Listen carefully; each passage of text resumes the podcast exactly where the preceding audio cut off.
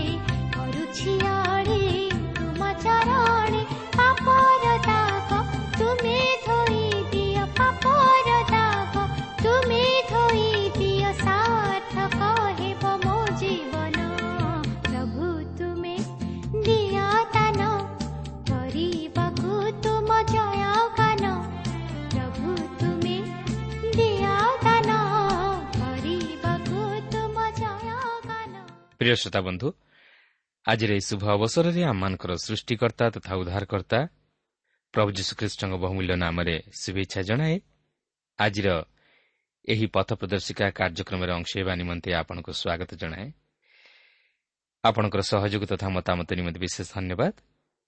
ଆପଣ ଏହି କାର୍ଯ୍ୟକ୍ରମ ନିଜେ ଶୁଣିବା ସଙ୍ଗେ ସଙ୍ଗେ ଅନ୍ୟମାନଙ୍କୁ ଶୁଣାଇବାରେ ଉତ୍ସାହିତ କରୁଥିବାର ଜାଣି ଆମେ ମୋତେ ବିଶେଷ ଖୁସି। ପ୍ରଭୁ ଆପଣଙ୍କୁ ଆଶୀର୍ବାଦ କରନ୍ତୁ ଆହୁରି ଆହୁରି ଆତ୍ମିକ ଜୀବନରେ ବର୍ଦ୍ଧିଷ୍ଣୁ କରାନ୍ତୁ। ଆପଣଙ୍କର ପ୍ରାର୍ଥନାର ଅନୁରୋଧ ରକ୍ଷା କରି ଆମେ ମଧ୍ୟ ଆପଣଙ୍କ ନିମନ୍ତେ ପ୍ରାର୍ଥନା କରୁଅଛୁ। ଆଉ ସେହି ପ୍ରଭୁ ଯୀଶୁ ନିଶ୍ଚିତ ଭାବରେ ଆପଣଙ୍କର ସମସ୍ୟା ସମାଧାନ କରିବେ। ଆସନ୍ତୁ ତାହେଲେ ପ୍ରଭୁଙ୍କର ବାକ୍ୟ ମଧ୍ୟକୁ ଯିବା ପୂର୍ବରୁ ସଂକ୍ଷେପରେ ପ୍ରାର୍ଥନା କରିବା। ପବିତ୍ର ପ୍ରଭୁ ତୁମର ପବିତ୍ର ନାମର ଧନ୍ୟବାଦ କରୁଅଛୁ ଏହି ସୁନ୍ଦର ସମୟ ପାଇଁ ସୁନ୍ଦର ସୁଯୋଗ ପାଇଁ ତୁମର ଜୀବନ୍ତ ବାକ୍ୟ ପାଇଁ। ହଁ ପ୍ରଭୁ ତୁମେ ଚାହଁ ଯେପରି ଆମମାନେ ପାପରେ ବିନଷ୍ଟ ନ ହୁଏ ଅନନ୍ତ ଜୀବନର ଅଧିକାରୀ ହେଉ। ପରିତ୍ରାଣର ଅଧିକାରୀ ହେଉ। ତେଣୁକରି ଆମମାନଙ୍କୁ ସୁଯୋଗ ଉପରେ ସୁଯୋଗ ଦେଉଅଛ। ତୁମର ବାକ୍ୟ ମଧ୍ୟ ଦେଇ ତୁମର ସ୍ୱର ଶୁଣିବା ପାଇଁ। ପ୍ରଭୁ ଆଜି ମଧ୍ୟ ତୁମର ବାକ୍ୟ ମଧ୍ୟ ଦେଇ ତୁମେ ଆମମାନଙ୍କ ସହିତ କଥା କୁହ। ପ୍ରତ୍ୟେକ ଶ୍ରୋତାବନ୍ଧୁମାନଙ୍କୁ ତୁମେ ଆଶୀର୍ବାଦ କର। ପ୍ରତ୍ୟେକଙ୍କର ମନସ୍କାମନା ତୁମେ ପୂର୍ଣ୍ଣ କରି ପ୍ରତ୍ୟେକ ଜୀବନ ମଧ୍ୟ ଦେଇ ତୁମେ ଗୌରବାନ୍ୱିତ ମହିମାନ୍ୱିତ ହୁଅ। ଏହି ସମସ୍ତ ପ୍ରାର୍ଥନା ଆମମାନଙ୍କୁ ଉଦ୍ଧାରକର୍ତ୍ତା ଜୀବିତ ପୁନରୁଦ୍ଧିତ ପ୍ରିୟ ପ୍ରଭୁ ଯୀଶୁଙ୍କ ନାମରେ ଏହି ଅଳ୍ପ ଭିକ୍ଷା ମାଗୁଅଛୁ।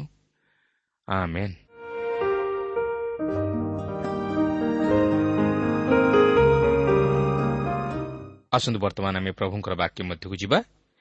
ଆଜି ଆମେ ପବିତ୍ର ବାଇବଲ ମଧ୍ୟରୁ ପୁରାତନ ନିୟମର ଜିଓସିଓ ପୁସ୍ତକ ପାଠ କରିବାକୁ ଯିବା। କିନ୍ତୁ ଏହି ପୁସ୍ତକଟିକୁ ପାଠ କରିବାକୁ ଯିବା ପୂର୍ବରୁ ଏହି ପୁସ୍ତକର ଭୂମିକା ସମ୍ପର୍କରେ ମୁଁ ଆପଣଙ୍କୁ କିଛି ଅବଗତ କରାଇଦେବାକୁ ଚାହେଁ। ଏହି ପୁସ୍ତକର ଲେଖକ ହେଉଛନ୍ତି ଜିଓସିଓ ନିଜେ। ମାତ୍ର ଶେଷ ପାଞ୍ଚ ପଦ ପିହ୍ନସ୍ଙ୍କ ଦ୍ୱାରା ଲିଖିତ ହୋଇଅଛି। ଏହି ପୁସ୍ତକର ମୁଖ୍ୟ ଶବ୍ଦଟି ହେଉଛି ଅଧିକାର କରିବା। କାରଣ ଇସ୍ରାଏଲ୍ ସନ୍ତାନଗଣ ସେହି ମୟାବପଦାରୁ ଅଗ୍ରସର ହୋଇ ଜିହୋସିଓଙ୍କ ନେତୃତ୍ୱରେ ସେହି କିଣାନ୍ ଦେଶ ଅର୍ଥାତ୍ ଯାହାକୁ ବର୍ତ୍ତମାନ କହନ୍ତି ପାଲେଷ୍ଟାଇନ୍ ଦେଶ ସେହି ଦେଶରେ ପ୍ରବେଶ କରି ତାହା ଅଧିକାର କରିବାକୁ ଥିଲା। ତେଣୁକରି ଏହି ପୁସ୍ତକକୁ ଏକ ଉଦ୍ଧାରର ପୁସ୍ତକ କହିଲେ ଅତ୍ୟୁକ୍ତି ହେବ ନାହିଁ। ତେବେ ଏଠାରେ ଗୋଟିଏ ବିଷୟ ସ୍ମରଣରେ ରଖିବେ ଯେ ଈଶ୍ୱର ଯଦିଓ ସେମାନଙ୍କୁ ସେହି କିଣାନ୍ ଦେଶ ସେମାନଙ୍କର ଅଧିକାର ସ୍ୱରୂପ ଦେଇଥିଲେ ମାତ୍ର ସେହି ଦେଶରେ ପ୍ରବେଶ କରି ତାହାକୁ ଅଧିକାର କରି ତହିଁରେ ବସବାସ କରିବା ସେମାନଙ୍କର ଈଶ୍ୱରଙ୍କ ପ୍ରତି ବାଧ୍ୟତା ଓ ପ୍ରେମ ଉପରେ ନିର୍ଭର କରୁଥିଲା। ଆସନ୍ତୁ ବର୍ତ୍ତମାନ ଆମେ ଜିଓସିଓଙ୍କ ପ୍ରତି ଟିକେ ଦୃଷ୍ଟି ଦେବା। ଆପଣ ଜାଣିଥିବେ ଯେ ମୋଷାଙ୍କର ମୃତ୍ୟୁ ପରେ ଜିଓସିଓ ଇସ୍ରାଏଲ୍ ସନ୍ତାନଗଡ଼ର ନେତୃତ୍ୱ ନେଲେ ସେ ସେହି ମିଶ୍ର ଦେଶରେ ଦାସତ୍ୱ ଅବସ୍ଥାରେ ଜନ୍ମଗ୍ରହଣ କଲେ ଇସ୍ରାଏଲ୍ ସନ୍ତାନଗଣ ସେହି ମିଶ୍ର ଦେଶର ଦାସତ୍ୱ ବନ୍ଧନରୁ ମୁକୁଳିତ ହୋଇ ପ୍ରାନ୍ତର ମଧ୍ୟରେ ଯାତ୍ରା କରିବା ସମୟରେ ତାହାଙ୍କୁ ଚାଳିଶ ବର୍ଷ ହୋଇଥିଲା। କିନ୍ତୁ ସେ ଅଶୀ ବର୍ଷରେ ଇସ୍ରାଏଲ୍ ସନ୍ତାନଗଣର ନେତୃତ୍ୱ ନେଲେ ଓ ତାହାଙ୍କର ମୃତ୍ୟୁ ସମୟକୁ ସେ ଶହେ ଦଶ ବର୍ଷ ବୟସର ହୋଇଥିଲେ। କିନ୍ତୁ ସେହି ପ୍ରାନ୍ତର ମଧ୍ୟରେ ଯାତ୍ରା କରିବା ସମୟରେ ସେ ଅନେକ ଖ୍ୟାତି ଅର୍ଜନ କରିଥିଲେ। ଯେତେବେଳେ ପ୍ରାନ୍ତର ମଧ୍ୟରେ ସେମାନେ ଅମାଲେକମାନଙ୍କ ସହିତ ଯୁଦ୍ଧ କଲେ ସେତେବେଳେ ଏହି ଜିହୋସିଓ ଲୋକମାନଙ୍କୁ ବା ସୈନ୍ୟମାନଙ୍କୁ ଏକତ୍ରିତ କରି ସେହି ଅମାଲେକମାନଙ୍କ ସହିତ ଯୁଦ୍ଧ କରି ସେମାନଙ୍କୁ ପରାସ୍ତ କରିଥିଲେ। ଏହି ଜିହୋସିଓ ମୂଷାଙ୍କର ପରିଚାରକ ସ୍ୱରୂପେ ବା ସେବକ ସ୍ୱରୂପେ ରହି କାର୍ଯ୍ୟ କରୁଥିଲେ। ବାସ୍ତବରେ ସେ ମୂଷାଙ୍କ ପ୍ରତି ଅତି ବିଶ୍ୱସ୍ତ ଓ ଈଶ୍ୱରଙ୍କ ପ୍ରତି ମଧ୍ୟ ଅତି ବିଶ୍ୱସ୍ତ ଥିଲେ ଓ ସେ ଈଶ୍ୱରଙ୍କୁ ଭକ୍ତି କରୁଥିଲେ। ଆପଣ ଜାଣିଥିବେ ଯେ କାଦେଶ ବର୍ଣ୍ଣୟଠାରୁ ଯେଉଁ ବାର ଜଣ ଗୁପ୍ତଚର ସେହି କିଣାନ୍ ଦେଶ ଅନୁସନ୍ଧାନ କରିବାକୁ ଯାଇଥିଲେ ସେମାନଙ୍କ ମଧ୍ୟରୁ ଏହି ଜିହୋସିଓ ମଧ୍ୟ ଜଣେ ଥିଲେ ଯିଏକି କାଲେବଙ୍କ ସହିତ ଏକ ନିର୍ଭର ତଥା ବିଶ୍ୱାସଯୋଗ୍ୟ ତଥ୍ୟ ପ୍ରଦାନ କରିଥିଲେ ଯେ ଈଶ୍ୱର ସେମାନଙ୍କୁ ସେହି ଦେଶ ଦେବା ପାଇଁ ଯାଉଅଛନ୍ତି। ସେହି ସମ୍ବାଦରେ ରହିଥିଲା ଈଶ୍ୱରଙ୍କ ପ୍ରତି ଦୃଢ଼ ବିଶ୍ୱାସ ଓ ବିଶ୍ୱସ୍ତତା। ବାସ୍ତବରେ ଜିଓସିଓ ନାମର ମଧ୍ୟ ବିଶେଷ ତାତ୍ପର୍ଯ୍ୟ ରହିଅଛି। ଜିଓସିଓ ନାମର ଅର୍ଥ ସଦାପ୍ରଭୁ ଉଦ୍ଧାରକର୍ତ୍ତା। କିନ୍ତୁ ସେହି ଶବ୍ଦଟି ନୂତନ ନିୟମରେ ଯୀଶୁ ବୋଲି ବ୍ୟବହୃତ ହୋଇଅଛି। ଝିଅସିଓ ଅତି ସାହସୀ ଥିଲେ ତଥା ଈଶ୍ୱର ପରାୟଣ ଥିଲେ। ସେ ଈଶ୍ୱରଙ୍କ ଉପରେ ନିର୍ଭର କରୁଥିଲେ। ସେ ଉତ୍ତମ ବିଶ୍ୱାସୀ ନେତା ଉଦ୍ୟୋଗୀ ଓ କର୍ତ୍ତବ୍ୟନିଷ୍ଠ ଥିଲେ। ସେ ତାଙ୍କର ନାମରେ ଓ କାର୍ଯ୍ୟରେ ଖ୍ରୀଷ୍ଟଙ୍କର ଅନୁରୂପୀ ଥିଲେ। ସେ ଅତି ଉତ୍ତମ ନେତା ଥିଲେ। ସେଥିପାଇଁ ଈଶ୍ୱର ତାହାଙ୍କୁ ନେତା ରୂପେ ମନୋନୀତ କରିଥିଲେ ଓ ସେ ମୂଷାଙ୍କ ଦ୍ୱାରା ସେହି ନେତା ରୂପେ ପ୍ରତିଷ୍ଠିତ ହେଲେ। ଆସନ୍ତୁ ତାହେଲେ ଏହି ପୁସ୍ତକଟିକୁ ପାଠ କରି ଇସ୍ରାଏଲ୍ ସନ୍ତାନଗଣ କିପରି ସେହି ପ୍ରତିଜ୍ଞାତ କିଣାଦେଶର ଅଧିକାରୀ ହୋଇ ତହିଁରେ ପ୍ରବେଶ କଲେ ତାହା ଆଲୋଚନା କରି ତହିଁରୁ ଆମର ଆତ୍ମିକ ଜୀବନ ନିମନ୍ତେ କିଛି ଶିକ୍ଷା ଗ୍ରହଣ କରିବା। କାରଣ ସେହି ଇସ୍ରାଏଲ୍ ସନ୍ତାନଗଣ ଯେପରି ସେହି ଦେଶ ଅଧିକାର କରି ତହିଁରେ ବସବାସ କରିବା ସେମାନଙ୍କର ଈଶ୍ୱରଙ୍କ ବାକ୍ୟ ପ୍ରତି ବାଧ୍ୟତା ଉପରେ ନିର୍ଭର କରୁଥିଲା ଠିକ୍ ସେହିପରି ଆଜି ମଧ୍ୟ ଏହି ଜଗତରେ ଆମେ ଯଦି ଆତ୍ମିକ ଜୀବନରେ ଆଶୀର୍ବାଦର ଅଧିକାରୀ ହେବାକୁ ଚାହୁଁ ତାହେଲେ ଆମକୁ ମଧ୍ୟ ଈଶ୍ୱରଙ୍କ ବାକ୍ୟର ବାଧ୍ୟ ହେବାକୁ ହେବ ଓ ତାହାଙ୍କ ଉପରେ ନିର୍ଭର କରିବାକୁ ହେବ। ତେବେ ଆସନ୍ତୁ ଦେଖିବା ଜିଓସିଓ ପୁସ୍ତକର ପ୍ରଥମ ପର୍ବରେ ଜିଓସିଓଙ୍କର କାର୍ଯ୍ୟଭାର ଓ ତାହାଙ୍କ ପ୍ରତି ଈଶ୍ୱରଙ୍କ ଆଦେଶ କିପରି କାର୍ଯ୍ୟକାରୀ ହେବାକୁ ଯାଉଅଛି। ଇସ୍ରାଏଲ୍ ସନ୍ତାନଗଣ କିପରି ସେହି ଦେଶ ଅଧିକାର କରିବାକୁ ଯାଉଅଛନ୍ତି ତାହା ଲକ୍ଷ୍ୟ କରିବା। ପ୍ରଥମେ ଆମେ ଦେଖିବା ଯେ ଈଶ୍ୱର କିପରି ବ୍ୟକ୍ତିଗତ ଭାବେ ଜିଓସିଓଙ୍କୁ ତାହାଙ୍କ ସେବକତ୍ୱର ଭାର ଓ ତାହାଙ୍କର ଆଦେଶ କିପରି ପାଳନ କରିବା ନିମନ୍ତେ କହନ୍ତି ତାହା ଲକ୍ଷ୍ୟ କରିବା। ଦେଖନ୍ତୁ ଜିଓସିଓ ପ୍ରଥମ ପର୍ବର ପ୍ରଥମ ଦୁଇ ପଦରେ ଏହିପରି ଲେଖା ଅଛି ସଦାପ୍ରଭୁଙ୍କ ସେବକ ମୂଷାଙ୍କର ମୃତ୍ୟୁ ଉତ୍ତାରେ ସଦାପ୍ରଭୁ ନୁନର ପୁତ୍ର ଜିଓସିଓ ନାମକ ମୂଷାଙ୍କର ପରିଚାରକଙ୍କୁ କହିଲେ ଆମ୍ଭର ସେବକ ମୂଷା ମରିଅଛି। ଏ ନିମନ୍ତେ ତୁମ୍ଭେ ଏବେ ଉଠ ଆମ୍ଭେ ଇସ୍ରାଏଲ୍ ସନ୍ତାନଗଣକୁ ଯେଉଁ ଦେଶ ଦେବାକୁ ଉଦ୍ୟତ ଅଛୁ ସେଟାକୁ ତୁମ୍ଭେ ଓ ଏହି ଲୋକ ସମସ୍ତେ ଜର୍ଦ୍ଦନ ପାର ହୋଇଯାଅ। ଏହି ଅଂଶରେ ଆପଣ ଲକ୍ଷ୍ୟ କରିବେ ଈଶ୍ୱର ଏଠାରେ ଜିଓସିଓଙ୍କୁ କହୁଅଛନ୍ତି ଇସ୍ରାଏଲ୍ ସନ୍ତାନଗଣର ନେତୃତ୍ୱ ନେଇ ସେମାନଙ୍କୁ ସେହି କିଣା ଦେଶରେ ପ୍ରବେଶ କରାଇବା ପାଇଁ। କିନ୍ତୁ ସେ ଏଠାରେ କହନ୍ତି ଆମ୍ଭର ସେବକ ମୂଷା ମରିଅଛି। ତେବେ ଏଠାରେ ଆମେ ଯଦି ଟିକେ ମୂଷାଙ୍କ ଆଡ଼କୁ ଦୃଷ୍ଟି ଦେବା ତାହେଲେ କେତେକ ନିଗୁଢ଼ ବିଷୟ ମଧ୍ୟ ଶିକ୍ଷା କରିପାରିବା। ଆପଣ ଜାଣିଥିବେ ଯେ ମୂଷା ଇସ୍ରାଏଲ୍ ସନ୍ତାନଗଣକୁ ସେହି କିଣା ଦେଶରେ ପ୍ରବେଶ କରାଇବାକୁ ଅନୁମତି ପାଇନଥିଲେ। ମାତ୍ର ଜିହୋସିଓ ଯେ ସେମାନଙ୍କୁ ସେହି କିଣା ଦେଶରେ ନେଇ ପ୍ରବେଶ କରାଇବେ ଏହା ଈଶ୍ୱର ପୂର୍ବରୁ ପ୍ରକାଶ କରିଥିଲେ ଯାହାକି ଆମେ ଦ୍ୱିତୀୟ ବିବରଣ ପୁସ୍ତକରେ ଦେଖିସାରିଛୁ। ତେବେ ଏହାର ମଧ୍ୟ ଅନେକ ତାତ୍ପର୍ଯ୍ୟ ରହିଅଛି। ମୂଷା ଥିଲେ ବ୍ୟବସ୍ଥାର ପ୍ରତୀକ। ଓ ଆମେ ଜାଣୁ ଯେ ବ୍ୟବସ୍ଥା ଆମକୁ କେବେ ହେଲେ ଉଦ୍ଧାର କରିପାରେ ନାହିଁ। ଈଶ୍ୱରଙ୍କ ବ୍ୟବସ୍ଥା ଆମକୁ ଆମର ପାପ ବିଷୟରେ ସଚେତ କରାଇଦିଏ। ବା ଆମର ପାପକୁ ଦେଖାଇ ଦିଏ କିନ୍ତୁ ଏହା ଆମକୁ ପାପରୁ ଉଦ୍ଧାର କରିପାରେ ନାହିଁ। ଏହା ଆମକୁ ପାପି ବୋଲି ଚିହ୍ନିବାରେ ସହାୟକ ହୁଏ। କିନ୍ତୁ ଏହା ଆମକୁ ପାପରୁ ଉଦ୍ଧାର କରିପାରେ ନାହିଁ। ମୂଷା ତାହାଙ୍କର ବିଫଳତା ନିମନ୍ତେ ସେହି କିଣା ଦେଶରେ ପ୍ରବେଶ କରିବା ନିମନ୍ତେ କିମ୍ବା ଇସ୍ରାଏଲ୍ ସନ୍ତାନଗଣକୁ ସେହି କିଣା ଦେଶରେ ପ୍ରବେଶ କରାଇବା ନିମନ୍ତେ ସମର୍ଥ ହୋଇପାରିଲେ ନାହିଁ। ତେବେ ସମସ୍ୟାଟି ବ୍ୟବସ୍ଥାରେ ନଥିଲା। ମାତ୍ର ମୂଷାଙ୍କ ଜୀବନରେ ଥିଲା ଯାହାକି ଆଜି ଆମମାନଙ୍କ ଜୀବନରେ ମଧ୍ୟ ସେହିପରି ଦେଖାଯାଉଅଛି। କାରଣ ଆମ୍ଭେମାନେ ପ୍ରତ୍ୟେକ ଯେ ଈଶ୍ୱରଙ୍କ ମହିମାରୁ ଉଣା ପଡ଼ିଅଛୁ ତାହା ବ୍ୟବସ୍ଥା ଆମକୁ ଦର୍ଶାଇ ଦିଏ। ଈଶ୍ୱର କହନ୍ତି ଝିଅ ଝିଅ ମୂଷା ମରିଅଛି। ମାତ୍ର ଏବେ ତୁମ୍ଭେ ଉଠ ଓ ମୋର ସନ୍ତାନଗଣକୁ ନେଇ ସେ କିଣା ଦେଶ ଅଧିକାର କରିବା ନିମନ୍ତେ ଅଗ୍ରସର ହୁଅ। ବାସ୍ତବରେ ସେହି ପ୍ରଭୁ ଯୀଶୁଖ୍ରୀଷ୍ଟ ଆମମାନଙ୍କର ଝିଅ ଝିଅ ସେ ହିଁ କେବଳ ଏକମାତ୍ର ଆମମାନଙ୍କର ଉଦ୍ଧାରକର୍ତ୍ତା ଈଶ୍ୱର। ଯିଏକି ଆମକୁ ତାହାଙ୍କର ସେହି ଆଶୀର୍ବାଦର ସ୍ଥାନକୁ କଢ଼ାଇ ନେବେ ଓ ଏହି ଜଗତରେ ବଞ୍ଚିଥାଉଁ ଥାଉଁ ଆମେ ସେହି ଆତ୍ମିକ ଆଶୀର୍ବାଦର ଅଧିକାରୀ ହୋଇପାରିବା। ସେଥିପାଇଁ ଏଫିସିଓ ପ୍ରଥମ ପର୍ବର ତିନି ପଦରେ ଲେଖା ଅଛି ଆମ୍ଭମାନଙ୍କ ପ୍ରଭୁ ଯୀଶୁଖ୍ରୀଷ୍ଟଙ୍କ ଈଶ୍ୱର ଓ ପିତା ଧନ୍ୟ ହୁଅନ୍ତୁ। ସେ ଖ୍ରୀଷ୍ଟଙ୍କଠାରେ ଆମମାନଙ୍କୁ ସମସ୍ତ ଆତ୍ମିକ ଆଶୀର୍ବାଦ ଦ୍ୱାରା ସ୍ୱର୍ଗରେ ଆଶୀର୍ବାଦ କରିଅଛନ୍ତି। ପ୍ରକୃତରେ ପ୍ରିୟ ବନ୍ଧୁ ଆମେ ଈଶ୍ୱରଙ୍କ ବ୍ୟବସ୍ଥା ବା ବିଧିବିଧାନ ପାଳନ କରିବା ଦ୍ୱାରା ଏହି ସମସ୍ତ ଆତ୍ମିକ ଆଶୀର୍ବାଦର ଅଧିକାରୀ ହୋଇପାରିବା ନାହିଁ। ମାତ୍ର ପ୍ରଭୁ ଯୀଶୁ ଖ୍ରୀଷ୍ଟଙ୍କଠାରେ ବିଶ୍ୱାସ କରି ତାହାଙ୍କର ଆଜ୍ଞା ପାଳନ କରିବା ଦ୍ୱାରା ଆମେ ସେହି ଆତ୍ମିକ ଆଶୀର୍ବାଦ ସବୁର ଅର୍ଥାତ୍ ସ୍ୱର୍ଗୀୟ ସୁଖ ଶାନ୍ତି ଆନନ୍ଦ ଓ ସହଭାଗିତାର ଅଂଶୀ ହୋଇପାରିବା। କିନ୍ତୁ ଆମେ ନିଜେ ନିଜକୁ ଧାର୍ମିକ କରି ଗଢ଼ିପାରିବା ନାହିଁ। ତାହା ହୋଇଥିଲେ ପ୍ରଭୁ ଶ୍ରୀଖ୍ରୀଷ୍ଟ ଏହି ଜଗତକୁ ଆସି କୃଷି ମୃତ୍ୟୁଭୋଗ କରିବାର ଆବଶ୍ୟକ ହୋଇନଥାନ୍ତା। କିନ୍ତୁ ସେ ଆମମାନଙ୍କ ନିମନ୍ତେ ସେହି ସମସ୍ତ ସାଧନ କଲେ ଯେପରି ଆମେ ତାହାଙ୍କଠାରେ ବିଶ୍ୱାସ କରିବା ଦ୍ୱାରା ଓ ତାହାଙ୍କର ବାକ୍ୟକୁ ପାଳନ କରିବା ଦ୍ୱାରା ତାହାଙ୍କ ଧାର୍ମିକତା ଦ୍ୱାରା ଧାର୍ମିକ ବୋଲି ଗଣିତ ହୋଇପାରିବା। ତେଣୁ ଆସୁ ଆମେ ସେହି ଆମର ଉଦ୍ଧାରକର୍ତ୍ତା ତଥା ନେତା ପ୍ରଭୁ ଯୀଶୁଖ୍ରୀଷ୍ଟଙ୍କ ପ୍ରତି ଲକ୍ଷ୍ୟ କରି ତାହାଙ୍କର ପଛରେ ଅନୁଗମନ କରୁ ଓ ସେହି ଆତ୍ମିକ ସୁଖ ଶାନ୍ତି ଆନନ୍ଦ ଓ ସହଭାଗିତା ପାଇବା ନିମନ୍ତେ ଚେଷ୍ଟା କରୁ। ଏହାପରେ ତିନି ଓ ଚାରିପଦରେ ଲେଖା ଅଛି ଯେ ଯେ ସ୍ଥାନରେ ତୁମାନଙ୍କ ତଳିବା ପଡ଼ିବ ସେସବୁ ସ୍ଥାନ ମୂଷା ପ୍ରତି ସଦାପ୍ରଭୁଙ୍କ ବାକ୍ୟାନୁସାରେ ଆମ୍ଭେ ତୁମାନଙ୍କୁ ଦେଲୁ। ପ୍ରାନ୍ତର ଓ ଏହି ଲିବାନୋନ୍ଠାରୁ ମହାନଦୀ ଅର୍ଥାତ୍ ଫରାତ ନଦୀ ପର୍ଯ୍ୟନ୍ତ ହିତୀୟମାନଙ୍କ ସମସ୍ତ ଦେଶ ପୁଣି ସୂର୍ଯ୍ୟାସ୍ତ ଦିଗରେ ମହାସମୁଦ୍ର ପର୍ଯ୍ୟନ୍ତ ତୁମମାନଙ୍କର ସୀମା ହେବ। ଦେଖନ୍ତୁ ଈଶ୍ୱର ସେମାନଙ୍କୁ ଏହି ସମସ୍ତ ଅଞ୍ଚଳ ଅଧିକାର କରିବା ନିମନ୍ତେ ଦେଇଥିଲେ। ମାତ୍ର ସେହି ସମସ୍ତ ବିସ୍ତୃତ ଅଞ୍ଚଳକୁ ଅଧିକାର କରିବା ସେମାନଙ୍କ ଉପରେ ନିର୍ଭର କରୁଥିଲା। କାରଣ ସେହି ସମସ୍ତ ଅଞ୍ଚଳକୁ ଅଧିକାର କରିବାକୁ ହେଲେ ସେମାନଙ୍କୁ ଯୁଦ୍ଧ କରି ତାହା ଅଧିକାର କରିବାକୁ ଥିଲା। ତଥାପି ସେମାନେ ସେମାନଙ୍କର ଭବିଷ୍ୟତ ଜୀବନରେ ସେହି ସମସ୍ତ ଅଞ୍ଚଳକୁ ସମ୍ପୂର୍ଣ୍ଣ ଅଧିକାର କରିପାରିନଥିଲେ। ସେମାନେ ଅଳ୍ପ କିଛି ଅଞ୍ଚଳ ଅଧିକାର କରିଥିଲେ।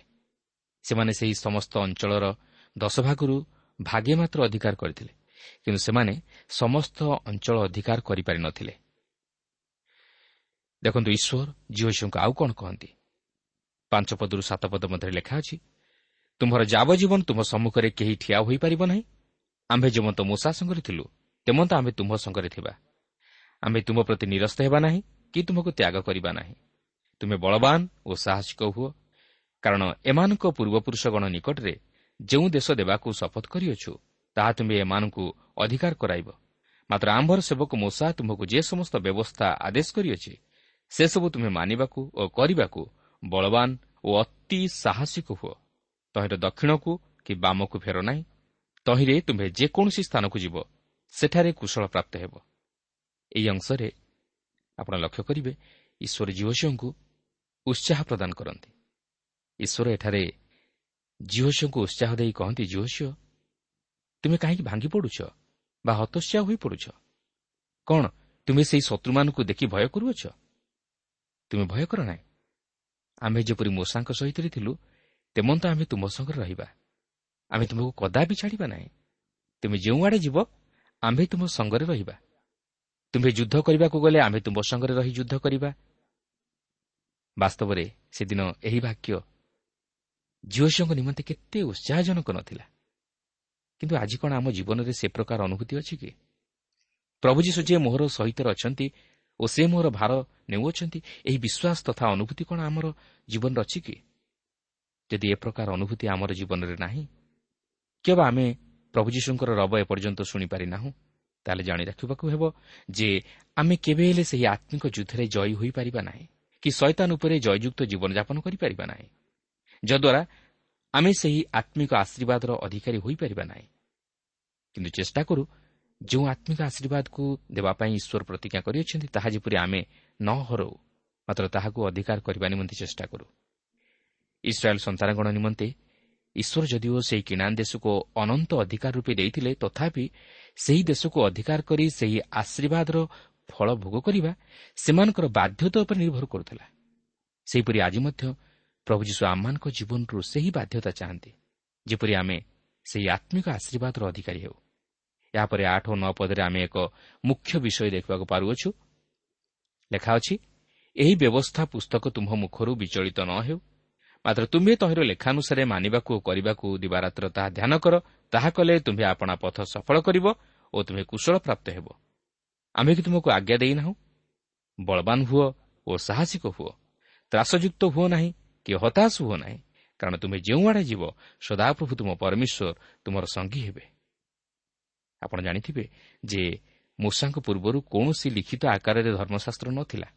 ମାତ୍ର ଈଶ୍ୱର ସମ୍ମୁଖାସମ୍ମୁଖୀ ମୂଷାଙ୍କ ନିକଟରେ ସେହିସବୁ ବ୍ୟବସ୍ଥା ଦେଲେ ଓ ମୂଷା ସେହିସବୁକୁ ବିଶ୍ୱସ୍ତ ଭାବରେ ଲେଖାଲେଖି କରି ରଖିଲେ। ତେଣୁକରି ଝିଅଶିଅଙ୍କ ନିକଟରେ ମୂଷାଙ୍କ ଦ୍ୱାରା ଲିଖିତ ପାଞ୍ଚଟି ପୁସ୍ତକ ଥିଲା ଯାହାକି ଆଦି ପୁସ୍ତକ ଯାତ୍ରା ପୁସ୍ତକ ଲେବିୟ ପୁସ୍ତକ ଗଣନା ପୁସ୍ତକ ଓ ଦ୍ୱିତୀୟ ବିବରଣ ପୁସ୍ତକ। ଏହି ପାଞ୍ଚ ପୁସ୍ତକକୁ ବ୍ୟବସ୍ଥା ପୁସ୍ତକ ବୋଲି ମଧ୍ୟ କୁହାଯାଉଥିଲା। ଯେହେତୁ ଈଶ୍ୱରଙ୍କର ଦତ୍ତ ବ୍ୟବସ୍ଥା ଏହି ପୁସ୍ତକମାନଙ୍କରେ ଲିପିବଦ୍ଧ ହୋଇ ରହିଥିଲା ତେଣୁକରି ଈଶ୍ୱର ଏଠାରେ ଜୁଅଶଙ୍କୁ କହନ୍ତି ଏହି ବ୍ୟବସ୍ଥା ପୁସ୍ତକକୁ ତୁମ୍ଭେ ପାଶ୍ୱର ନାହିଁ।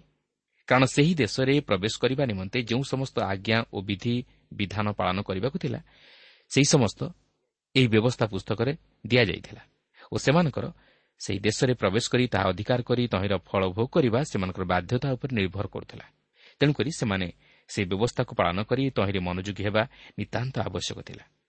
ତେଣୁ ଈଶ୍ୱର ଝିଅଶିଙ୍କୁ କହନ୍ତି ଝିଅଶିଅ ତୁମ୍ଭେ ଯଦିଓ ଯୁଦ୍ଧ କରିବାକୁ ଯାଉଅଛ ମାତ୍ର ତୁମ୍ଭେ ଈଶ୍ୱରଙ୍କ ବାକ୍ୟ ରୂପ ଖଡ଼ଗକୁ ଭୁଲ ନାହିଁ। କାରଣ ତୁମେ ଯଦିଓ ଖଣ୍ଡା ଘେନି ଯୁଦ୍ଧ କରିବାକୁ ଯାଉଅଛ ମାତ୍ର ତୁମ୍ଭକୁ ବାକ୍ୟ ରୂପ ଖଡ଼ଗ ଧାରଣ କରିବାକୁ ହେବ। କାରଣ ଯୁଦ୍ଧ ଆମ୍ଭର ମାତ୍ର ତୁମ୍ଭକୁ ବିଶ୍ୱାସର ସହିତ ଆଗେଇବାକୁ ହେବ। ତେଣୁ ତୁମେ ବଳବାନ ଓ ସାହସିକ ହୁଅ। ପ୍ରିୟ ବନ୍ଧୁ ସେହି ଜୀବସଙ୍ଗ ପରି ଆମେ ବିଶ୍ୱାସରେ ବଳବାନ ଓ ସାହସିକ ହେବାକୁ ହେବ ଓ ବାକ୍ୟ ରୂପ ଖଡ଼ଗ ଧାରଣ କରିବାକୁ ହେବ ଯଦ୍ୱାରା ଆମେ ଶୟତାନର ବିରୁଦ୍ଧରେ ଦଣ୍ଡାୟମାନ ହୋଇ ଶୟତାନକୁ ପରାସ୍ତ କରିପାରିବା। କାରଣ ସେହି ପ୍ରଭୁ ଯୀଶୁ ଆମକୁ ଶକ୍ତି ଓ ସାମର୍ଥ୍ୟ ଦେଇ ଜୟଲାଭ କରିବାକୁ ଦେବେ। କାରଣ ଆମକୁ ଜାଣି ରଖିବାକୁ ହେବ ଯେ ଆମେ ଏହି ଅନ୍ଧକାର ଜଗତ ମଧ୍ୟରେ ବାସ କରୁଅଛୁ।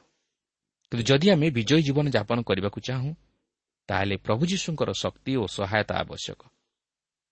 କ'ଣ?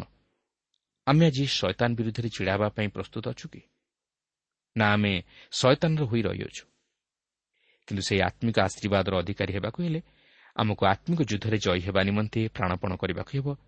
ତେବେ ଯାଇ ଆମେ ଜୀବନରେ ଈଶ୍ୱରଙ୍କର ଆଶୀର୍ବାଦର ଅଧିକାରୀ ହୋଇପାରିବା ଓ ଶତ୍ରୁ ଆମ ନିକଟରୁ ପରାସ୍ତ ହୋଇ ହଟିଯିବ। ଶୈତାନର ଶକ୍ତି ମଧ୍ୟ ହାର ମାନିବ ଓ ସେ ମଧ୍ୟ ଭୟ କରି ଦୂରେଇ ଯିବ ଆସୁ ଆମ ଜୀବନରେ ସେହି ଆତ୍ମିକ ଯୁଦ୍ଧରେ ଜୟୀ ହେବା ନିମନ୍ତେ ପ୍ରାଣପଣ କରୁ। ବର୍ତ୍ତମାନ ଆମେ ଦଶ ଓ ଏଗାର ପଦ ପାଠ କରିବା ଦେଖନ୍ତୁ ଲେଖା ଅଛି।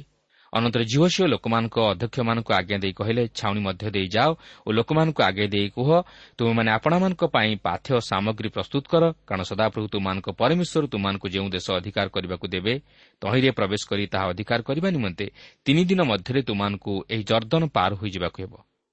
ଏହି ଅଂଶରେ ଆପଣ ଲକ୍ଷ୍ୟ କରିବେ ଝିଅ ସେମାନଙ୍କୁ ସେହି ଜର୍ଦ୍ଦନ ନଦୀ ପାର ହୋଇଯିବା ପାଇଁ ପ୍ରସ୍ତୁତ କରାଉଛନ୍ତି ଓ ସେ ସେମାନଙ୍କୁ ସେଥିନିମନ୍ତେ ପାଥ୍ୟ ସାମଗ୍ରୀ ପ୍ରସ୍ତୁତ କରିବା ପାଇଁ କହୁଅଛନ୍ତି। କାରଣ ସେମାନେ ଆଉ ସେହି ସ୍ୱର୍ଗୀୟ ମାନା ପାଇବେ ନାହିଁ ଯେହେତୁ ତାହା ବନ୍ଦ ହେବାକୁ ଯାଉଅଛି। ଦେଖନ୍ତୁ ଏହାପରେ କ'ଣ ଘଟିବା ପାଇଁ ଯାଉଅଛି। ବାରପଦରୁ ଅଠର ପଦ ମଧ୍ୟରେ ଜୋସିଓ ରୁବେନିୟମାନଙ୍କୁ ଓ ଗାଦିଓମାନଙ୍କୁ ଓ ମନସୀର ଅର୍ଦ୍ଧବଂଶକୁ ସେମାନଙ୍କ ଭାଇମାନଙ୍କ ସାଙ୍ଗରେ ଯାଇ ଯୁଦ୍ଧ କରିବା ନିମନ୍ତେ ସେମାନଙ୍କୁ କହୁଅଛନ୍ତି। ଓ ସେମାନେ ଯେପର୍ଯ୍ୟନ୍ତ ସେହି ଦେଶ ଅଧିକାର କରି ତହିଁରେ ବସବାସ ନ କରିଛନ୍ତି ସେ ପର୍ଯ୍ୟନ୍ତ ସେମାନଙ୍କ ସହିତ ରହି ଯୁଦ୍ଧ କରିବେ ବୋଲି କହନ୍ତି ଓ ସେମାନଙ୍କର ଭାଇମାନେ ସେହି ଦେଶରେ ବସତି କଲା ପରେ ସେମାନେ ଫେରିଆସି ଏହି ଜର୍ଦ୍ଦନର ପୂର୍ବ ପାରିରେ ବସବାସ କରିବା ନିମନ୍ତେ ଯେ ସେମାନଙ୍କର ଅଧିକାର ପାଇବେ ତାହା ଝିଅ ଝିଅ ସେମାନଙ୍କ ନିକଟରେ ପ୍ରକାଶ କରନ୍ତି। କାରଣ ଏହି ରୁବେନୀୟ ଗାଦିଓ ଓ ମନସୀର ଅର୍ଦ୍ଧବଂଶର ଅନେକ ଗୋରୁ ଗାଈ ମେଷ ଥିବାରୁ ସେମାନେ ଜର୍ଦ୍ଦନର ପୂର୍ବ ପାରିରେ ବସତି କରିବା ନିମନ୍ତେ ମୂଷାଙ୍କୁ ବିନତି କରିଥିଲେ। ମାତ୍ର ଏହି ଗୋଟିଏ ସର୍ତ୍ତରେ ଯେ ସେମାନେ ସେମାନଙ୍କର ଭାଇମାନଙ୍କ ସହିତ ଯାଇ ଯୁଦ୍ଧ କରି ସେମାନଙ୍କୁ ସେହି କିଣା ଦେଶରେ ବସତି କରାଇବା ପରେ ଯାଇ ସେମାନେ ସେହି ଜର୍ଦ୍ଦନର ପୂର୍ବ ପାରିରେ ବସତି କରିବା ନିମନ୍ତେ ଅଧିକାର ପ୍ରାପ୍ତ ହେବେ। କିନ୍ତୁ ଏହା ଥିଲା ବଡ଼ ଦୁଃଖର ବିଷୟ। ଈଶ୍ୱର ସେମାନଙ୍କ ପ୍ରତ୍ୟେକଙ୍କୁ ସେହି କିଣା ଦେଶ ସେମାନଙ୍କର ଅଧିକାର ସ୍ୱରୂପେ ଦେଇଥିଲେ। ମାତ୍ର ଏହି ଗାଦୀୟ ରୁବେନୀୟ ଓ ମନୁଷ୍ୟର ଅର୍ଦ୍ଧବଂଶ କିଣା ଦେଶରେ ପ୍ରବେଶ କରି ତହିଁରେ ବାସ କଲେ ନାହିଁ। କିନ୍ତୁ ସେମାନେ ଜର୍ଦ୍ଦନର ପୂର୍ବ ପାରିରେ ବସବାସ କଲେ। କାହିଁକି? କେବଳ ନିଜର ସ୍ୱାର୍ଥ ଦୃଷ୍ଟିରୁ ଯେହେତୁ ସେମାନଙ୍କର ଅନେକ ଗୋରୁ ଗାଈ ପ୍ରଭୃତି ଥିଲେ। ତେବେ ଏଠାରେ ଆପଣଙ୍କ ମନରେ ପ୍ରଶ୍ନ ଉଠିପାରେ ଯେ କ'ଣ ସେହି ଜର୍ଦ୍ଦନ ନଦୀ ପାର ହୋଇ ଯିବା ସେମାନଙ୍କ ପକ୍ଷରେ ଜରୁରୀ ଥିଲା? ତାଛଡ଼ା ସେହି ଜର୍ଦ୍ଦନର ପୂର୍ବାଞ୍ଚଳ କ'ଣ ପାଲେଷ୍ଟାଇନ୍ ଦେଶର ଅଂଶ ନଥିଲା? ତାଛଡ଼ା ସେମାନେ ଯଦି ଜର୍ଦ୍ଦନର ପୂର୍ବ ପାରିରେ ବାସ କଲେ ତାହେଲେ ତାହାଦ୍ୱାରା ସେମାନଙ୍କର ଭୁଲ କ'ଣ ହେଲା? ତେବେ ଏହାର ଉତ୍ତରରେ ମୁଁ ଏତିକି କହିପାରେ ଯେ ଏହା ଈଶ୍ୱରଙ୍କର ଇଚ୍ଛା ନଥିଲା ଯେ ଇସ୍ରାଏଲ୍ ସନ୍ତାନଗଣ ମଧ୍ୟରୁ କୌଣସି ବଂଶ ସେହି ଜର୍ଦ୍ଦନର ପୂର୍ବ ପାରିରେ ବାସ କରନ୍ତୁ। ଏହା ବ୍ୟତୀତ ଏହି ଜର୍ଦ୍ଦନ ନଦୀ ପାର ହୋଇ ଯିବାର ଏକ ବିଶେଷ ତାତ୍ପର୍ଯ୍ୟ ରହିଅଛି ଯାହାକି ଆମେ ପରେ ପାଠ କରିଲେ ଜାଣିପାରିବା। କିନ୍ତୁ ଏଠାରେ ଏହି ଷୋହଳ ପଦରୁ ଅଠର ପଦ ମଧ୍ୟରେ ଆପଣ ଲକ୍ଷ୍ୟ କରିବେ ଯେ ସେମାନେ ଜିଓସିଓଙ୍କ କଥାରେ ସମ୍ମତି ପ୍ରକାଶ କରି ତଦନୁଯାୟୀ କାର୍ଯ୍ୟ କରିବା ନିମନ୍ତେ ପ୍ରତିଶ୍ରୁତି ଦେଉଅଛନ୍ତି ଓ ସେ ଯାହା ଯାହା ଆଜ୍ଞା କରନ୍ତି ତାହା ସବୁ ପାଳନ କରିବା ନିମନ୍ତେ ତାଙ୍କଠାରେ ଦୃଢ଼ ମତ ବ୍ୟକ୍ତ କରନ୍ତି। ସେମାନେ ଯଦିଓ ସେହି ଜର୍ଦ୍ଦନ ପୂର୍ବ ପାରିରେ ରହିବାକୁ ଚାହାନ୍ତି ମାତ୍ର ସେମାନଙ୍କର ଭାଇମାନଙ୍କୁ ସାହାଯ୍ୟ କରିବା ନିମନ୍ତେ ଆଗେଇ ଯାଉଛନ୍ତି। ଆସନ୍ତୁ ଏହାପରେ ଦୁଇ ପର୍ବଟିକୁ ଅଧ୍ୟୟନ କରିବା ପାଇଁ ଯିବା। ଏହି ଦୁଇ ପର୍ବରେ ଆମେ ଏକ କୌତୁହଳପୂର୍ଣ୍ଣ ବିଷୟ ଦେଖିବାକୁ ଯିବା। ତାହା ହେଉଛି ରାହବ ସହିତ ଦୁଇ ଗୁପ୍ତଚରଙ୍କର ଯୋଗାଯୋଗ। ତେବେ ଏହି ରାହବ କିଏ ସେହି ବିଷୟ ନେଇ ମୁଁ ଆପଣଙ୍କୁ କିଛି କହିବାକୁ ଚାହେଁ। ଏହି ରାହବ ଜଣେ ସ୍ତ୍ରୀ ଲୋକ ଥିଲା ଓ ସେ ଜଣେ ବେଶ୍ୟା ଥିଲା ଓ ତାହାର ନାମ ଥିଲା ରାହାବ। ଚିନ୍ତା କରିପାରୁଛନ୍ତି ସେ କି ପ୍ରକାର ସ୍ତ୍ରୀ ଲୋକ ହୋଇଥିବ? କିନ୍ତୁ ଏକ ଆଶ୍ଚର୍ଯ୍ୟର ବିଷୟ ହେଉଛି ଯେ ଏହିପରି ଜଣେ ସ୍ତ୍ରୀ ଲୋକ ନୂତନ ନିୟମରେ ଏବ୍ରି ପୁସ୍ତକ ଏଗାର ପର୍ବର ଏକତିରିଶ ପଦରେ ସ୍ଥାନ ପାଇଅଛି। ଆଉ ସେଠାରେ ଲେଖା ଅଛି ବିଶ୍ୱାସ ଦ୍ୱାରା ରାହାବ ବେଶିଆ ଚରମାନଙ୍କୁ ଆଶ୍ରୟ ଦେବାରୁ ଅନାଜ୍ଞାବହମାନଙ୍କ ସହିତ ବିନଷ୍ଟ ହେଲେ ନାହିଁ। ଏଠାରେ କ'ଣ ପାଇଁ ତାହା ବିଷୟ ନେଇ ଉଲ୍ଲେଖ କରାଯାଏ? ଯେହେତୁ ତାହାର ବିଶ୍ୱାସ ନେଇ। ଏପରିକି ନୂତନ ନିୟମରେ ଯୀଶୁଖ୍ରୀଷ୍ଟଙ୍କ ବଂଶାବଳୀରେ ମଧ୍ୟ ଏହି ରାହାବ ନାମ ଉଲ୍ଲେଖ କରାଯାଇଅଛି। ସାଧାରଣତଃ ଜିଉଦୀମାନଙ୍କ ବଂଶାବଳୀରେ ସ୍ତ୍ରୀମାନଙ୍କ ନାମ ଉଲ୍ଲେଖ କରାଯାଏ ନାହିଁ। କିନ୍ତୁ ଏଠାରେ ଆପଣ ଦେଖିବେ ଏ ଜଣେ ବେଶିଆ ଥିଲା ତଥାପି ତାହାର ନାମ ବଂଶାବଳୀରେ ସ୍ଥାନ ପାଇଥିଲା। କ'ଣ ପାଇଁ? କେବଳ ତାହାର ବିଶ୍ୱାସ ପାଇଁ। ଆସନ୍ତୁ ତାହେଲେ ଦେଖିବା ଯେ ଏହି ରାହାବ ସହିତ ଜିଓ ସିଓ ପଠାଇଥିବା ଦୁଇ ଗୁପ୍ତଚରଙ୍କର କିପରି ଯୋଗାଯୋଗ ହେଉଅଛି ଓ ସେହି ରାହାବ ସେମାନଙ୍କ ପ୍ରତି କି ପ୍ରକାର ବ୍ୟବହାର ତଥା ସାହାଯ୍ୟ ପ୍ରଦର୍ଶନ କରୁଅଛି। ଦେଖନ୍ତୁ ଦୁଇ ପର୍ବର ପ୍ରଥମ ପଦରେ ଏହିପରି ଲେଖା ଅଛି ଅନନ୍ତର ନୁନର ପୁତ୍ର ଜିହୋସିଓ ଚର ରୂପେ ଦୁଇ ମନୁଷ୍ୟଙ୍କୁ ଏହି କଥା କହି ଗୋପନରେ ପଠାଇଲେ ତୁମେମାନେ ଯାଇ ସେହି ଦେଶ ଓ ଜିରିଓ ନଗର ନିରୀକ୍ଷଣ କର ତୁ ସେମାନେ ଯାଇ ରାହାବ ନାମ୍ନି ଏକ ବେଶ୍ୟାର ଗୃହରେ ଉପସ୍ଥିତ ହୋଇ ସେଠାରେ ବସା କଲେ। ଏହି ଅଂଶରେ ଆପଣ ଦେଖନ୍ତୁ ଦୁଇ ଜଣ ଗୁପ୍ତଚରଙ୍କୁ ଝିଅ ସେହି ଜିରିଓ ନଗର ମଧ୍ୟକୁ ପଠାଉଛନ୍ତି ଓ ସେମାନଙ୍କୁ ସେହି ରାହବ ତାହାର ଗୃହରେ ସ୍ଥାନ ଦେଉଅଛି ତେବେ ଆପଣ ବୋଧହୁଏ ଭାବିପାରନ୍ତି ଯେ ମୂଷାଙ୍କ ସମୟ ପରି ବର୍ତ୍ତମାନ ମଧ୍ୟ ସେମାନେ ଦେଶ ଅନୁସନ୍ଧାନ କରିବା ପାଇଁ ଗୁପ୍ତଚର ପଠାଇ ଭୁଲ କରୁଅଛନ୍ତି। କିନ୍ତୁ ଏହା ପ୍ରକୃତରେ ସେହି ଦେଶକୁ ଅଧିକାର କରିବା କି ନାହିଁ ସେହି ଅଭିପ୍ରାୟରେ ଝିଅ ଗୁପ୍ତଚର ପଠାଉନାହାନ୍ତି। ମାତ୍ର ସେମାନେ ସେହି ଦେଶରେ କିପରି ପ୍ରବେଶ କରି ତାହା ଅଧିକାର କରିବେ ସେହି ଅଭିପ୍ରାୟରେ ଝିଅ ଗୁପ୍ତଚର ପଠାଉଛନ୍ତି। ତେଣୁ ସେହି ବାର ଜଣ ଗୁପ୍ତଚର ଯାଇ ଦେଶ ଅନୁସନ୍ଧାନ କରିବା ଓ ଏହି ଦୁଇ ଜଣ ଯାଇ ଦେଶ ଅନୁସନ୍ଧାନ କରିବା ମଧ୍ୟରେ ଯଥେଷ୍ଟ ପାର୍ଥକ୍ୟତା ରହିଅଛି। କିନ୍ତୁ ଏଠାରେ ଲକ୍ଷ୍ୟ କରିବାର ବିଷୟ ହେଉଛି ରାହାବ ସେମାନଙ୍କ ନିମନ୍ତେ ଦ୍ୱାର ଉନ୍ମୁକ୍ତ କରିଦେଉଛି ଓ ସେମାନେ ରାହାବର ଘରେ ଆଶ୍ରୟ ନେଉଛନ୍ତି କେବଳ ସେତିକି ନୁହେଁ ସେ ସେମାନଙ୍କ ନିମନ୍ତେ ରାଜାଙ୍କୁ ମିଛ ମଧ୍ୟ କହୁଅଛି ଓ ସେହି ଗୁପ୍ତଚର ଦୁଇ ଜଣଙ୍କୁ ଲୁଚାଇ ରଖୁଛି ଯାହାକି ଆମେ ଦୁଇ ପର୍ବର ଦୁଇ ପଦରୁ ସାତ ପଦ ମଧ୍ୟରେ ଲକ୍ଷ୍ୟ କରିବାକୁ ପାରୁ। ତେବେ ଏଠାରେ ଆମେ ଦେଖୁଛୁ ଯେ ରାହାବ ବେଶିଆ ସେହି ଦୁଇ ଜଣ ଗୁପ୍ତଚରଙ୍କୁ ରକ୍ଷା କରିବାକୁ ଯାଇ ଆପଣ ରାଜାଙ୍କୁ ମିଥ୍ୟା କହିଲା କିନ୍ତୁ ପ୍ରଶ୍ନ ଉଠେ ଯେ ସେ କାହିଁକି ନିଜର ଶତ୍ରୁମାନଙ୍କ ସକାଶେ ତାହାର ରାଜାଙ୍କୁ ମିଥ୍ୟା କହିଲା? ଅବଶ୍ୟ ଗୋଟିଏ ଦିଗରୁ ଚିନ୍ତା କଲେ ସେ ଯାହା କଲା ବା ମିଛ କହିଲା ତାହା ଠିକ୍ ନୁହେଁ। ମାତ୍ର ଅନ୍ୟ ଦିଗରୁ ଚିନ୍ତା କଲେ ସେ ଈଶ୍ୱରଙ୍କ ଲୋକମାନଙ୍କୁ ରକ୍ଷା କରିବାକୁ ଯାଇ ମିଛ କହିଲା ଓ ସେ କିଛି ମନ୍ଦ ଅଭିପ୍ରାୟ ନେଇ ବା ତାହାର ସ୍ୱାର୍ଥ ନେଇ ମିଛ କହିନଥିଲା ମାତ୍ର ଈଶ୍ୱରଙ୍କ ପ୍ରତିଜ୍ଞା ଯେପରି ସଫଳ ହୁଏ ଓ ତାହାଙ୍କର ଲୋକମାନେ ଯେପରି ସେହି ଦେଶ ଅଧିକାର କରିବାକୁ ପାରନ୍ତି ଏଥିନିମନ୍ତେ ମିଛ କହିଲା। ହଁ ଶାସ୍ତ୍ର ଅନୁଯାୟୀ ଆମେ ପ୍ରତ୍ୟେକ ନିଜର ଶାସନକର୍ତ୍ତାମାନଙ୍କର ବଶୀଭୂତ ହେବା ଉଚିତ ଓ ସରକାରଙ୍କର ନୀତି ନିୟମ ଅନୁଯାୟୀ ଜୀବନଯାପନ କରିବା ଉଚିତ। କିନ୍ତୁ ଯେତେବେଳେ ଏହି ନୀତି ନିୟମ ଈଶ୍ୱରଙ୍କ ଇଚ୍ଛା ବିରୁଦ୍ଧରେ ଯାଏ ଓ ଈଶ୍ୱରଙ୍କ ଯୋଜନାର ପ୍ରତିବନ୍ଧକ ସ୍ୱରୂପେ ଛିଡ଼ା ହୁଏ ସେତେବେଳେ ଈଶ୍ୱରଙ୍କ ଆଜ୍ଞାକୁ ମାନିବା ବା ଈଶ୍ୱରଙ୍କ ଇଚ୍ଛାକୁ ଗ୍ରହଣ କରି ତଦନୁଯାୟୀ କାର୍ଯ୍ୟ କରିବା ଅଧିକ ଶ୍ରେୟସ୍କର। ତେବେ ବର୍ତ୍ତମାନ ଦେଖନ୍ତୁ ଯେ ରାହବ କାହିଁକି ମିଛ କହିଲା। ତାହାର ଉତ୍ତର ଏହି ଦୁଇ ପର୍ବର ଆଠ ଓ ନଅ ପଦରେ ଲେଖା ଅଛି। ଆଉ ଚରମାନେ ଶୟନ କରିବା ପୂର୍ବେ ସେ ସ୍ତ୍ରୀ ଛାତ ଉପରେ ସେମାନଙ୍କ ନିକଟକୁ ଯାଇ ସେମାନଙ୍କୁ କହିଲା ମୁଁ ଜାଣେ ସଦାପ୍ରଭୁ ତୁମାନଙ୍କୁ ଏହି ଦେଶ ଦେଇଅଛନ୍ତି ତୁମାନଙ୍କ ବିଷୟ ଏକ ତ୍ରାସ ଆମମାନଙ୍କ ଉପରେ ପଡ଼ିଅଛି ଓ ଏହି ଦେଶ ନିବାସୀ ସମସ୍ତେ ତୁମାନଙ୍କ ଆଗରେ ତରଳି ଯାଉଅଛନ୍ତି। ଏହି ଅଂଶରେ ଆପଣ ଲକ୍ଷ୍ୟ କରିବେ ଯେ ରାହବ ସେହି କିଣାନୀୟ ଲୋକମାନଙ୍କର ଚିନ୍ତାଧାରାକୁ ସେହି ଦୁଇ ଜଣ ଗୁପ୍ତଚରଙ୍କ ନିକଟରେ ପ୍ରକାଶ କରିଦେଉଛି। କାରଣ ସେହି କିଣାନୀୟ ଲୋକମାନେ ଖବର ପାଇଯାଇଥିଲେ ଯେ ଏକ ମହାଜନତା ସେମାନଙ୍କ ଦେଶକୁ ଅଧିକାର କରିବା ପାଇଁ ଯାଉଅଛନ୍ତି ଓ ସେମାନେ ସେହି ଦେଶକୁ ଅଧିକାର କରିନେବେ। ତେଣୁକରି ସେମାନେ ଭୟଭୀତ ହୋଇଯାଇଥିଲେ। ଆଉ ଏହି ସମ୍ବାଦଟି ରାହବ ଏହି ଦୁଇ ଜଣ ଗୁପ୍ତଚରଙ୍କ ନିକଟରେ ପ୍ରକାଶ କରିଦେଇଥିଲା। ସେ ଜାଣିଥିଲା ଯେ ତାହାର ଲୋକମାନେ ଇସ୍ରାଏଲ୍ ଲୋକମାନଙ୍କ ହେତୁ ଭୟଭୀତ ହୋଇଯାଇଛନ୍ତି। ତଥାପି ସେ ତାହା ଜାଣି ମଧ୍ୟ ଏହି ଗୁପ୍ତଚର ଦୁଇ ଜଣଙ୍କୁ ତାହାର ଗୃହରେ ଲୁଚାଇ ରଖିଥିଲା। କାରଣ ସେ ଜାଣିଥିଲା ଯେ ଇସ୍ରାଏଲ୍ର ଈଶ୍ୱର ତାହାଙ୍କର ଲୋକମାନଙ୍କୁ ସେହି ଦେଶ ଅଧିକାର କରିବା ନିମନ୍ତେ ଦେଉଅଛନ୍ତି। ତେଣୁକରି ସେ ବିଶ୍ୱାସର ସହିତ ଈଶ୍ୱରଙ୍କ ଇଚ୍ଛାକୁ ମାନି ନେଇଥିଲା ଓ ଈଶ୍ୱରଙ୍କ ଲୋକମାନଙ୍କୁ ଆଶ୍ରୟ ଦେଇଥିଲା। ଆଉ ସେଥିପାଇଁ ସେହି ବିଶ୍ୱାସ ଲାଗି ସେ ଈଶ୍ୱରଙ୍କ ଦ୍ୱାରା ଗୃହୀତ ହୋଇଥିଲା। ପ୍ରଭା ପ୍ରତ୍ୟେକଙ୍କୁ ସେହିପରି ସରଳ ବିଶ୍ୱାସର ଜୀବନ ପ୍ରଦାନ କରନ୍ତୁ।